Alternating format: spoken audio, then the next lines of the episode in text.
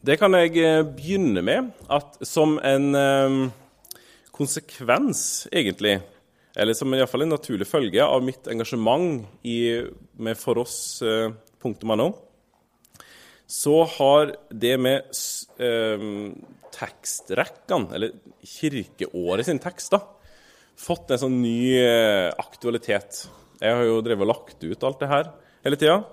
Og Da på en måte lærer man seg litt gangen i det. Og det er noe veldig flott med de, eh, den pedagogikken, om du vil, som ligger i det. Eh, og akkurat nå så er det sånn at på torsdag så er det Kristi himmelfartsdag. Og det som har vært av søndagstekster etter påska, er tekster som er valgt ut ifra den på en måte sammenhengen i kirkeåret som det står i. Eh, hvor det har vært mye fokus på trøst og holde motet oppe fram mot at Jesus skulle dra fra disiplene, og det lille opprommet der før Den hellige ånd kom. For Jesus, det var viktig for han å få sagt at 'jeg etterlater dere ikke farløse'. Jeg kommer til dere. Og for å foregripe teksten litt Dere vil ikke være som denne enka i teksten som ikke får noen hjelp, og som må mase seg til hjelp, om du vil. Vi skal lese den eh, teksten, som er fra Lukas 18 og de åtte første versene. Så fortalte han dem en lignelse om at de alltid skulle be og ikke miste motet. I en by var det en dommer som ikke fryktet Gud og ikke tok hensyn til noe menneske. I samme by var det en enke som stadig på ny kom til ham og sa, 'Hjelp meg mot min motpart, så jeg kan få min rett.' Lenge ville han ikke, men til slutt sa han til seg selv, 'Enda jeg ikke frykter Gud og ikke tar hensyn til noe menneske, får jeg hjelpe denne enken til hennes rett, siden hun plager meg slik.' Ellers ender det vel med at hun flyr like i synet på meg. Og Herren sa, Hør hva denne uhederlige dommeren sier. Skulle ikke da Gud hjelpe sine utvalgte til deres rett? De som roper til ham dag og natt, er han sen med å hjelpe dem? Jeg sier dere, han skal sørge for at de får sin rett, og det snart. Men når menneskesønnen kommer, vil han da finne troen på jorden? Vi skal fortsette å be. Gode Far og Frelser, vi takker deg for dagen, takker deg for livet, takker deg at du er Gud. Takker deg for at vi kan eh, tro på deg, høre til hos deg, være hos deg, Jesus. Vi ber om din Hellige Ånd eh, over våre liv og det som vi skal høre nå, i ditt navn. Amen.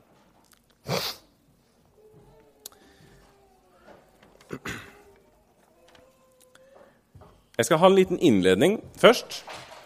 Men i hovedsak så blir det to punkt i dag. To ting. Denne teksten forteller oss for det første at vi får komme og be. At vi får komme og be. Og for det andre, og ikke minst, at vi må komme og be. Først litt om lignelser. Det er jo veldig greit, det her, fordi at når vi har en fortelling i Bibelen, så er det faktisk noen gang du kan være litt usikker på er det her en lignelse eller er det ikke. Og Her trenger ikke å være så veldig tvil, for det står han fortalte det med lignelse. Men en lignelse er jo altså en, en eh, sannhet eller en undervisning som Jesus brukte for å Eller en vanlig fortelling om noen ting. Om noe større, om noe annet, om noe i Guds rike. Og Det som er viktig å si om lignelser, det bare tar med først, er at Enten så kan det være ett poeng i lignelsen som Jesus vil si oss, eller det kan være flere. Men det er uansett viktig at vi ikke presser Bibelen, at vi ikke presser bibelteksten. Og jeg har et grelt eksempel på det. Fordi at det kan bære veldig galt av sted hvis man skal plukke en lignelse fra hverandre og på en måte gjøre et poeng ut av hver eneste lille del. Og i alle fall hvis vi gjør det ut ifra sånn som vi, vi, skal på en måte aktualisere det og gjøre det best mulig. Jeg hørte nemlig en preken av Eller jeg fikk referert en preken, er det riktig å si, fra en norsk biskop. Og det er helt utrolig eh, at det går an, altså. Men eh, prekenen var over lignelsen om eh, ugresset og hveten. I Matteus 13 så forteller Jesus en lignelse om at eh, det er noen arbeidere som sår korn i en åker. Og så, når kornet vokser opp, så blir de plutselig klar over at eh, det er ikke bare godt korn som kommer opp, men det kommer opp eh, ugress også. Og så spør arbeiderne i gården skal vi ta oss og kutte ned ugresset nå, sånn at det gode kornet bare kan komme opp. Og så sier husbonden nei, det skal dere ikke gjøre. Eh, bare la det vokse i hop. Og så, når, eh, når eh, høstdagen kommer, så skal vi ta alt sammen. Og så skal vi ta ugresset, eller vi skal ta gode kornet for seg, og så skal vi ta, og, eh, ta ut ugresset og kaste det og brenne på ilden, står det. Og så forklarer Jesus lignelsen etterpå, og det er jo veldig morsomt. Noen, noen deler etterpå, noen avsnitt etterpå så kommer forklaringen. Og det er at det er den onde som har sådd eh, Eller, ja, det her er den ondes verk. Og det Jesus sier, er at eh, både de som tror på Han, og som har himmelen i vente, og de som ikke tror på Han, og de som da har fortapelse i vente, skal leve sammen på jorda helt til den endelige dag. Og da skal dommen komme. Og så ble altså denne teksten brukt på samefolkets dag, der eh, nordmenn ble sammenligna med hveten og samene med ugresset. Og bare det i seg sjøl er jo veldig sånn rart, må jeg bare si. Eh, og det som var helt rart, var jo at i, den, i hele teksten var sagt, på en måte Alle som satt der og hørte, hadde hørt hele teksten. Det er helt utrolig at det går an. Uh, og det, det, blir jo rett og slett et, som jeg sa, et grelt eksempel, altså. Uh, der du ikke bare legger noe inn i teksten, men, din egen mening på en måte for å aktualisere det inn i teksten. Men når du gjør det, så blir det helt, uh, det blir jo helt forferdelig. Ja, det er veldig Det må jo ha vært forferdelig å være same og hørt det der. rett og slett. Det, var ikke, det er ikke en rett tolkning av den teksten, må jeg kunne si. Men i vår tekst så er det sånn at det er omtrent som en moderne avisartikkel. I starten så står ingressen, og hvis du leser den, så vet du omtrent hvordan det går videre. Og Her forteller Jesus en lignelse om at de alltid skulle be og ikke miste motet. Ok, men da vet vi det. Vi kan med andre ord vite betydningen. Og så handler det altså om en dommer og ei enke som bor i lag i en by, eller iallfall samtidig. Han er urettferdig, uhederlig og korrupt. Jeg tror nok kanskje rettsvesenet uansett var litt annerledes på denne tida enn det er hos oss, men likevel. Og enka er Eh, det må vi si litt mer om, fordi at hun er da ikke bare en person som har mista mannen sin, men hun er enke. Og ei enke på Jesu tid er da en person uten noe særlig med rettsvern, uten noe sosialt system rundt seg. Det var ganske mange andre ting enn det ei enke i dag er hos oss. da. Eh, gjentatte ganger i Det gamle testamentet så sier Gud at han har tre grupper mennesker særlig på sitt hjerte. Det er enker, farløse og innflytterne i landet. Enker, farløse tar dere særlig av enker, farløse og innflytterne. Um, og så er det sånn at hun her maser på han, og han vil ikke gi, hjelpe henne. Uh, og til slutt så står det at uh, jeg får vel hjelpe henne, ellers så flyr hun like i synet på meg. Og i en annen oversettelse så står det Ellers så vil hun vel slite meg ut ved stadig å komme hit. Og det der fly i synet på meg, det kan også bety noe sånt som at ellers så gi, kommer over og gir meg en blåveis. Så det er litt sånn, litt sånn humoristisk uh, undertone. da. Men så ser vi i vers 6 og 7 at det kommer sånne retoriske spørsmål av Jesus. Hør hva denne uhederlige dommeren sier. Skulle ikke da Gud hjelpe sine utvalgte til deres rett, de som roper til ham dag og natt? Er han sen med å hjelpe dem? Nei, han er ikke sen med å hjelpe dem. Og det her er en det vi kan kalle en kontrastfortelling. Det er en fortelling som er designa for å få fram en forskjell. Eh, det er ikke sånn at vi kan overføre hver enkelt del i lignelsen for å få betydning av det. F.eks. i Matteus 24 så sammenligner Jesus seg sjøl med en tyv. Jeg er som en tyv som kommer om natta. Og Poenget er jo ikke at Jesus er en tyv som tar noen ting ifra oss. Men poenget er at tyven kommer overraskende på natta. Du veit ikke når han kommer. Hvis du hadde visst det, så hadde det ikke vært noe farlig. Og Sånn er det også med menneskesønnen når han skal komme. Han kommer som en tyv. Du vet ikke når han kommer. Og Det var poenget i den historien. Og poenget hos oss er at Gud er nettopp ikke som denne dommeren. Er han vel sein med å hjelpe dem? OK. Altså, for det første vi får komme, vi får komme og be, men ikke minst, vi må komme og be. Første første. Vi kan og vi får komme og be. Dette er en sterk oppmuntring, en tilskyndelse, en invitasjon til å be. Og det er jo en rar historie, er det ikke det? Den, den ligner på en måte ikke så mye på mange av de andre historiene som vi har i Bibelen.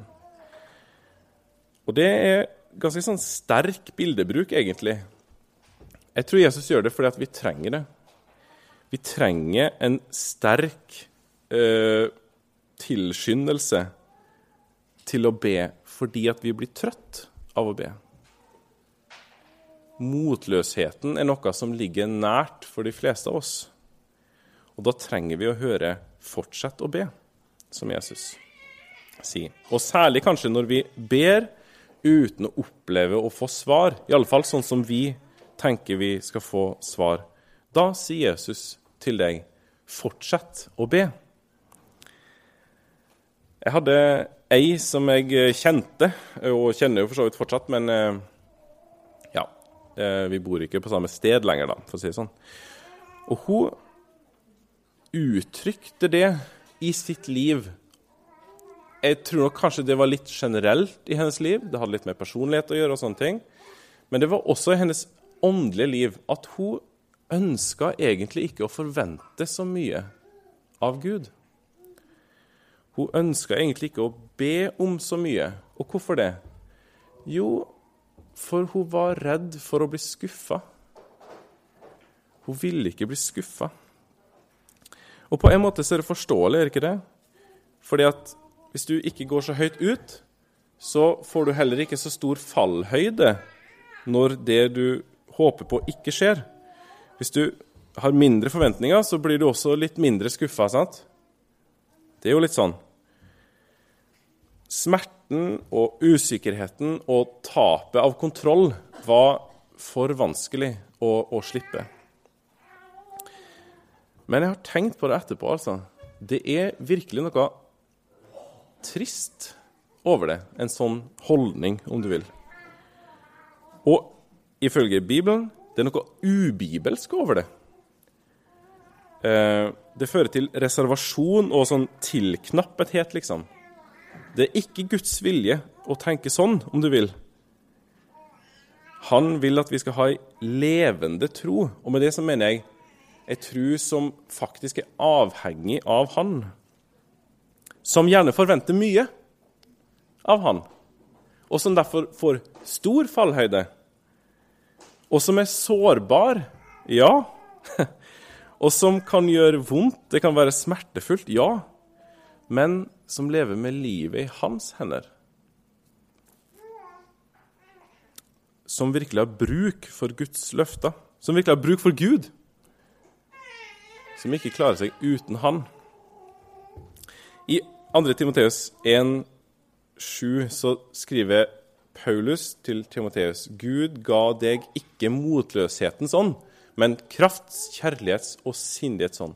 Hvorfor skrev Paulus det? Jo, det var jo selvfølgelig fordi at Timoteus nettopp kjente på motløshet. Derfor måtte han høre Gud ga ikke motløshetsånd, men krafts, kjærlighets og sindighets ånd. Så ta den sterke opp oppmuntringa, tilskyndelsen, invitasjonen fra Jesus til å be og leve i avhengighet av Han. Det skal du gjøre. Men jeg sa det at det er et, et, et annet poeng, og det som jeg mener også er hovedpoenget her. Hvorfor er det sånn at den teksten her handler om at vi ikke bare kan og får komme og be, men vi må komme og be? Hvorfor handler ikke den teksten her om bønn generelt, men om påkallelse av Jesu navn til frelse og forberedelse til den endelige dagen? Et eksempel, eller en ting som vi skal komme tilbake til, fra vers 8. For teksten vår er fra 1 til og med 8. Og da kan du spørre deg Hvis denne teksten bare handler om bønn generelt, hvorfor står vers 8 her? Jeg sier dere, han skal sørge for at de får sin rett, og det er snart. Men når menneskesønnen kommer, vil han da finne troen på jorden? Hvis det her handler om bønn generelt, var ikke det her sånn 'god dag, mann, økseskaft'-spørsmål? Og da må vi til den gode sammenhengen vår. Og det er jo en ting som vi ja, Jeg vet ikke hvor mange ganger må si det, men vi må liksom komme på det igjen og igjen. da, At når Bibelen ble skrevet, så ble den ikke skrevet med kapittel eller versinndeling. Det var nok bare én tekst. Og så, av praktiske hensyn, og det er veldig fornuftig, så har vi fått kapittel og fått vers. Så vår tekst er fra vers 1 til 8 i kapittel 18. Men det vil jo si at det som står i, vers, i kapittel 17, står jo før kapittel 18 og var én lang tekst. Og vær med meg på liksom underbygginga på det. I kapittel 17, vers 20, så står det sånn her En gang spurte fariseerne Jesus når Guds rike skulle komme. Fariseerne spør når skal Guds rike komme. Eh, og så, begynner, så svarer Jesus på det, og så vender han seg i vers 22. Så står det til disiplene, sa han. Og så forteller han noen ting om endetida til disiplene. Han begynner å forberede dem på det som skal skje i endetida. Hva skal kjennetegnene være? Hva, hva skal dere, hvordan skal dere forholde dere til det her? Ja, Det handler egentlig om endetida, det som kommer her. da. Og Så sier han det skal være mye forvirring. Noen skal si at Jesus kommer her, noen skal si at han kommer der. Eh, og så, i vers 24, så ser vi at det er eh, Ja, jeg kan lese det. For slik som lynet flammer opp og lyser fra himmelrand til himmelrand, slik skal menneskesønnen komme til syne på sin dag. Altså, den, siste, den dagen når Guds rike skal komme, det er, virker som at det er det samme som den dagen når menneskesønnen skal komme. Eh, og de siste dager, endetida, det er liksom samme greia. da. Og så, si, eh, og så kommer Jesus med to eksempel på hvordan det skal være i de siste dager. Det skal være på samme måten som i Noah sine dager, og det skal være på samme måten som i Lot sine dager. To personer fra Det gamle testamentet to eh, skal vi kalle det situasjoner eller historiske hendelser. To eh, måter folk forholder seg til livet på i forkant av en dom. I Noah sine dager så var det storflommen som var det som sto foran. I Lot sine dager så var det dommen over Sodoma og Gomorra som skulle vise seg å stå, eh, være, at man sto overfor. Og så sier Jesus sånn skal det være eh, i, også i de siste dager. Vi leser fra vers 27 og i 28. De spiste og drakk, giftet seg og ble giftet bort, helt til den dagen Noah gikk inn i arken. Så kom storflommen og gjorde ende på dem alle. Vers 28. På samme måte var det i Lots dager. De spiste og drakk, kjøpte og solgte, plantet og bygde. Men den dagen da Lot gikk ut av Sodoma, regnet det ild og svovel fra himmelen og gjorde ende på dem alle. Slik skal det også gå den dagen menneskesønnen åpenbarer seg. Og det er i den sammenhengen Og så kommer det Jeg kan lese videre også, faktisk. Når den dagen kommer, må den som er oppe på taket og har sakene sine inne i huset, ikke gå ned og hente dem. Og den som er ute på markene, må ikke vende hjem igjen. Tenk på Lots kone. Den som prøver å sikre sitt liv, skal miste det. Og så sier Jesus en lignelse om at de alltid skulle be og ikke miste motet. I en by var det en dommer som ikke fryktet Gud og ikke tok, ikke tok hensyn til noe menneske. Det er den på en måte, strømmen Jesus sier det. Um, og så er mitt spørsmål Hvorfor er det så veldig vanskelig å holde motet oppe og alltid be i sånne dager, da? Hva var det som var så veldig spesielt i Noah sine dager og Lot sine dager og i de siste dager som gjør at vi må få en påskyndelse, Hold motet oppe og be? To ting. For det første, vers 31. Når den dagen kommer, må de som er oppe på taket og har sakene sine inne i huset, ikke gå ned og hente dem. Og de som er ute på markene, må ikke vende hjem igjen. Tenk på Lots kone. Den som prøver å sikre sitt liv, skal miste det. Poenget er det kommer overraskende. Lots kone var ikke forberedt når den dagen kom. Du kan ikke vite når menneskesønnen sin dag kommer. Så be og hold motet oppe, og vær klar. Og for det andre, og det er det som jeg skal si mest om i fortsettelsen nå For vi vet jo det ja, både om Noah sine dager, men kanskje særlig om Lot sine dager, så vet vi at det var noen store synder, det vi kaller store synder, som ble gjort i Sodoma.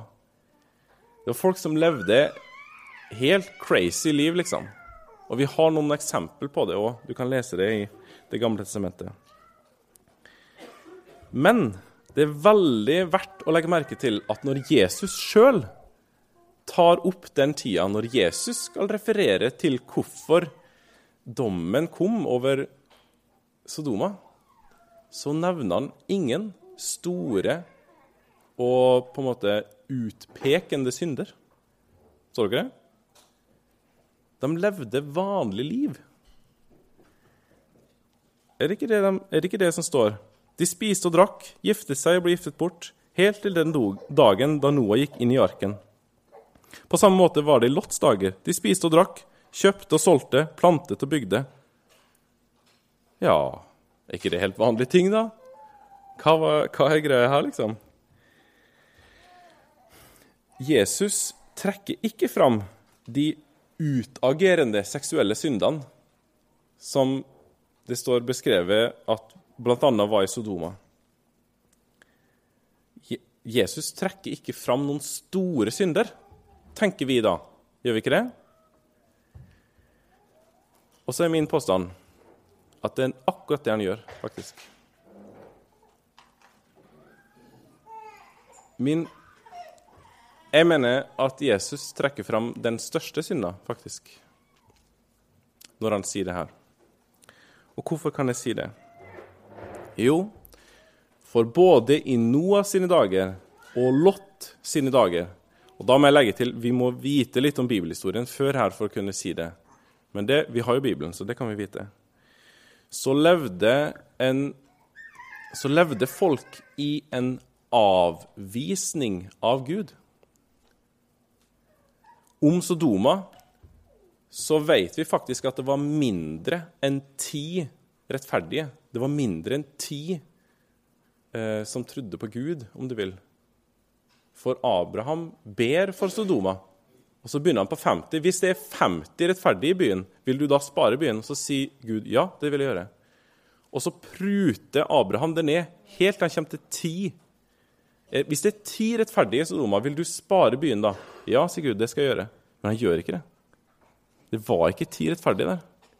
Med andre ord, folk levde i avvisningen av Gud. Og det gir ikke nødvendigvis så voldsomt store utslag i livet. Det er ikke de store, synlige syndene, om du vil, som er verst for Gud. Men det er grunnsynda. Det er grunnsynda. Når Adam og Eva tok frukten i hagen, så er det et helt berettiget spørsmål. Ja, men hva i verden er en frukt? Hva skal det få for store konsekvenser, liksom? Hallo, de ødela jo ingenting, gjorde de det? Nei, men det var ikke det som poenget heller. Når de tok frukten, så vendte de sitt hjerte bort ifra Gud. Vi vil ikke høre på deg. Vi vil ikke lyde deg, Gud. Vi vil være vår egen herre. Og det er grunnsynda. Vi vil ikke ha deg i våre liv. Vi vil ikke bøye oss for deg. Ikke din rettledning, ikke dine bud. Dine bud. Vi vil leve et fritt liv, et eget liv. Jeg vil leve mitt liv uten deg. Jeg vil bestemme sjøl. Og sånn skal det være når menneskesønnen kommer. Det skal være vanlige dager, men de skal være uten Gud. Jeg har lest ei bok i vinter av Magnus Malm, 'Som om Gud ikke finnes'. Den anbefales, eh, selv om den sikkert har noen sånne små slagsider. Men i all hovedsak vil jeg sterkt anbefale å lese den. Som om Gud ikke finnes. Hva skjer når livet sekulariseres? Hva skjer når livet sekulariseres? Det er når du sier og tenker at du tror på Gud, men du lever som om han ikke finnes. Det får ingen konsekvens for livet ditt. Du er selektiv på hva du følger og ikke. Og det er vanligheten, selvfølgeligheten, i livet ditt som har tatt over. Sånn skal det være i de siste dager, sier Jesus. Og sånn skal det også være blant oss som kaller oss kristne. Jeg vil si til oss det er noe som er mye mer verdt enn alt dette livet kan by på. Og det er livet sammen med Jesus. Og en dag blir henta hjem av Han. Det er mye mer verdt enn noe som helst ellers i våre liv.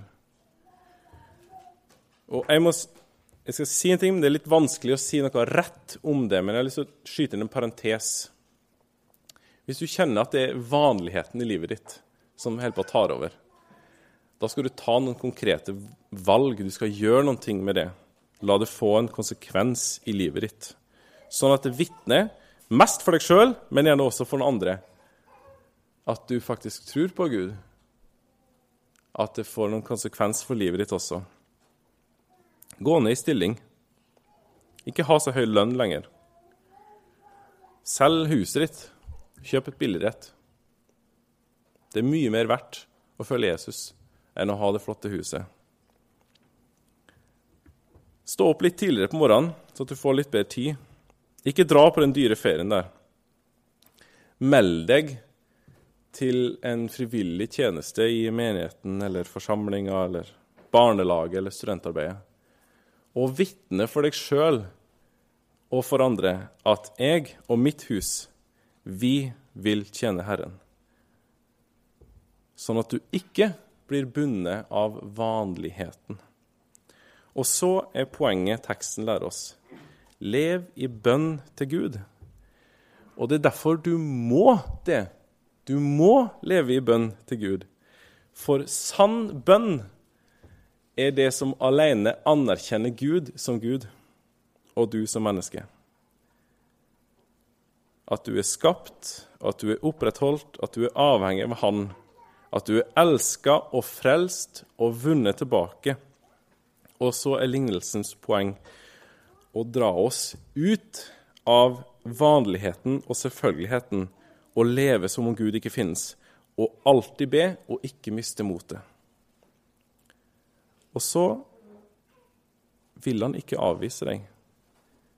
Du trenger ikke å slå Gud i ansiktet eller å lage blåveis på han for at han skal høre deg og ta, seg, ta deg inn til seg. Han har utvalgt deg. Så be dag og natt. Lev i påkallelse av Han, og du skal bli frelst. Han vil ta seg av deg. I Romerne 10, 13 så står det hver den som påkaller Herrens navn, skal bli frelst. Og det betyr ikke bare påkalle én gang, eller den første gangen, men å leve i påkallelse av Han. Eh, det kan også sies noe sånt som det her å gjøre seg bruk av Han. Hver den som gjør seg bruk av Herrens navn, skal bli frelst. Det er en god måte å si det på, syns jeg. Hver den som gjør seg bruk av Herrens navn, skal bli frelst. Og da kommer vers 8, avslutningen i teksten vår, til sin rett. Men når menneskesønnen kommer, vil han da finne troen på jorden? En gang spurte fariseerne Jesus når Guds rike skulle komme, og Jesus lurer på vil jeg finne trua på jorda da, når mitt rike kommer igjen? Og da tenker han ikke på tro generelt, men den bestemte trua. Den trua som dag og natt ber til Han, som lever i avhengighet, og som gjør seg bruk av Han. Det er det han spør etter da. Så det vi har hørt, er altså Vi får komme og be. En sterk invitasjon til å komme og be. Men ikke minst at vi må komme og be. Og til slutt vil jeg ta med forlengelsen av teksten vår, de fortellingene som på en måte kommer etterpå. For da lærer Jesus oss hva tro er for noe. Hva er det å tro på Han? Først så kommer historien om fariseeren og tolleren. To forskjellige personer. Og budskapet er at fariseeren tror han er rettferdig i seg sjøl. Og tolleren slår seg til brystet sitt og bekjenner og bøyer hodet sitt for Gud. Vær meg synder nådig. Han bøyde seg. Og Så kommer historien om Jesus og barna. Og Så sier Jesus at den som ikke tar imot Guds rike som et lite barn, han skal slett ikke komme inn i det. Og Så kommer historien om Jesus og den rike mannen, som har liksom alt på stell. Så sier Jesus, 'Gå bort og selg alt du eier, og kom så, følg meg.' Mannen sitt ytre liv var bra, men hjertet hang ved rikdommen, og han ville ikke slippe det. Og så står det i eh, vers 31 i kapittel 18 For dem Peter spør hva det med oss, vi har forlatt alt og fulgt deg. Og så sier han han tok de to, de tolv til side og sa til dem, se, vi går opp til Jerusalem, og alt det som profeten har skrevet om menneskesønnen, skal gå i oppfyllelse. Og så vil Jesus ta deg til side på samme måten som han gjorde med disiplene. Han vil gjøre det generelt, og han vil kanskje gjøre det akkurat nå.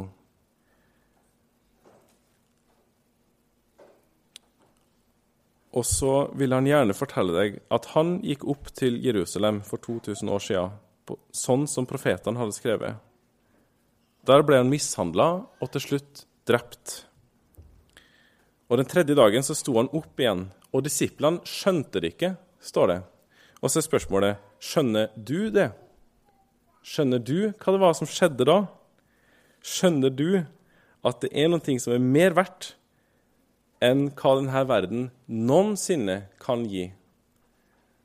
Av rikdom, av lykke, av behageligheter, av ære, av berømmelse, av kunnskap, av styrke. Det er noen ting som betyr mer uansett hva du har å komme med og måle opp imot.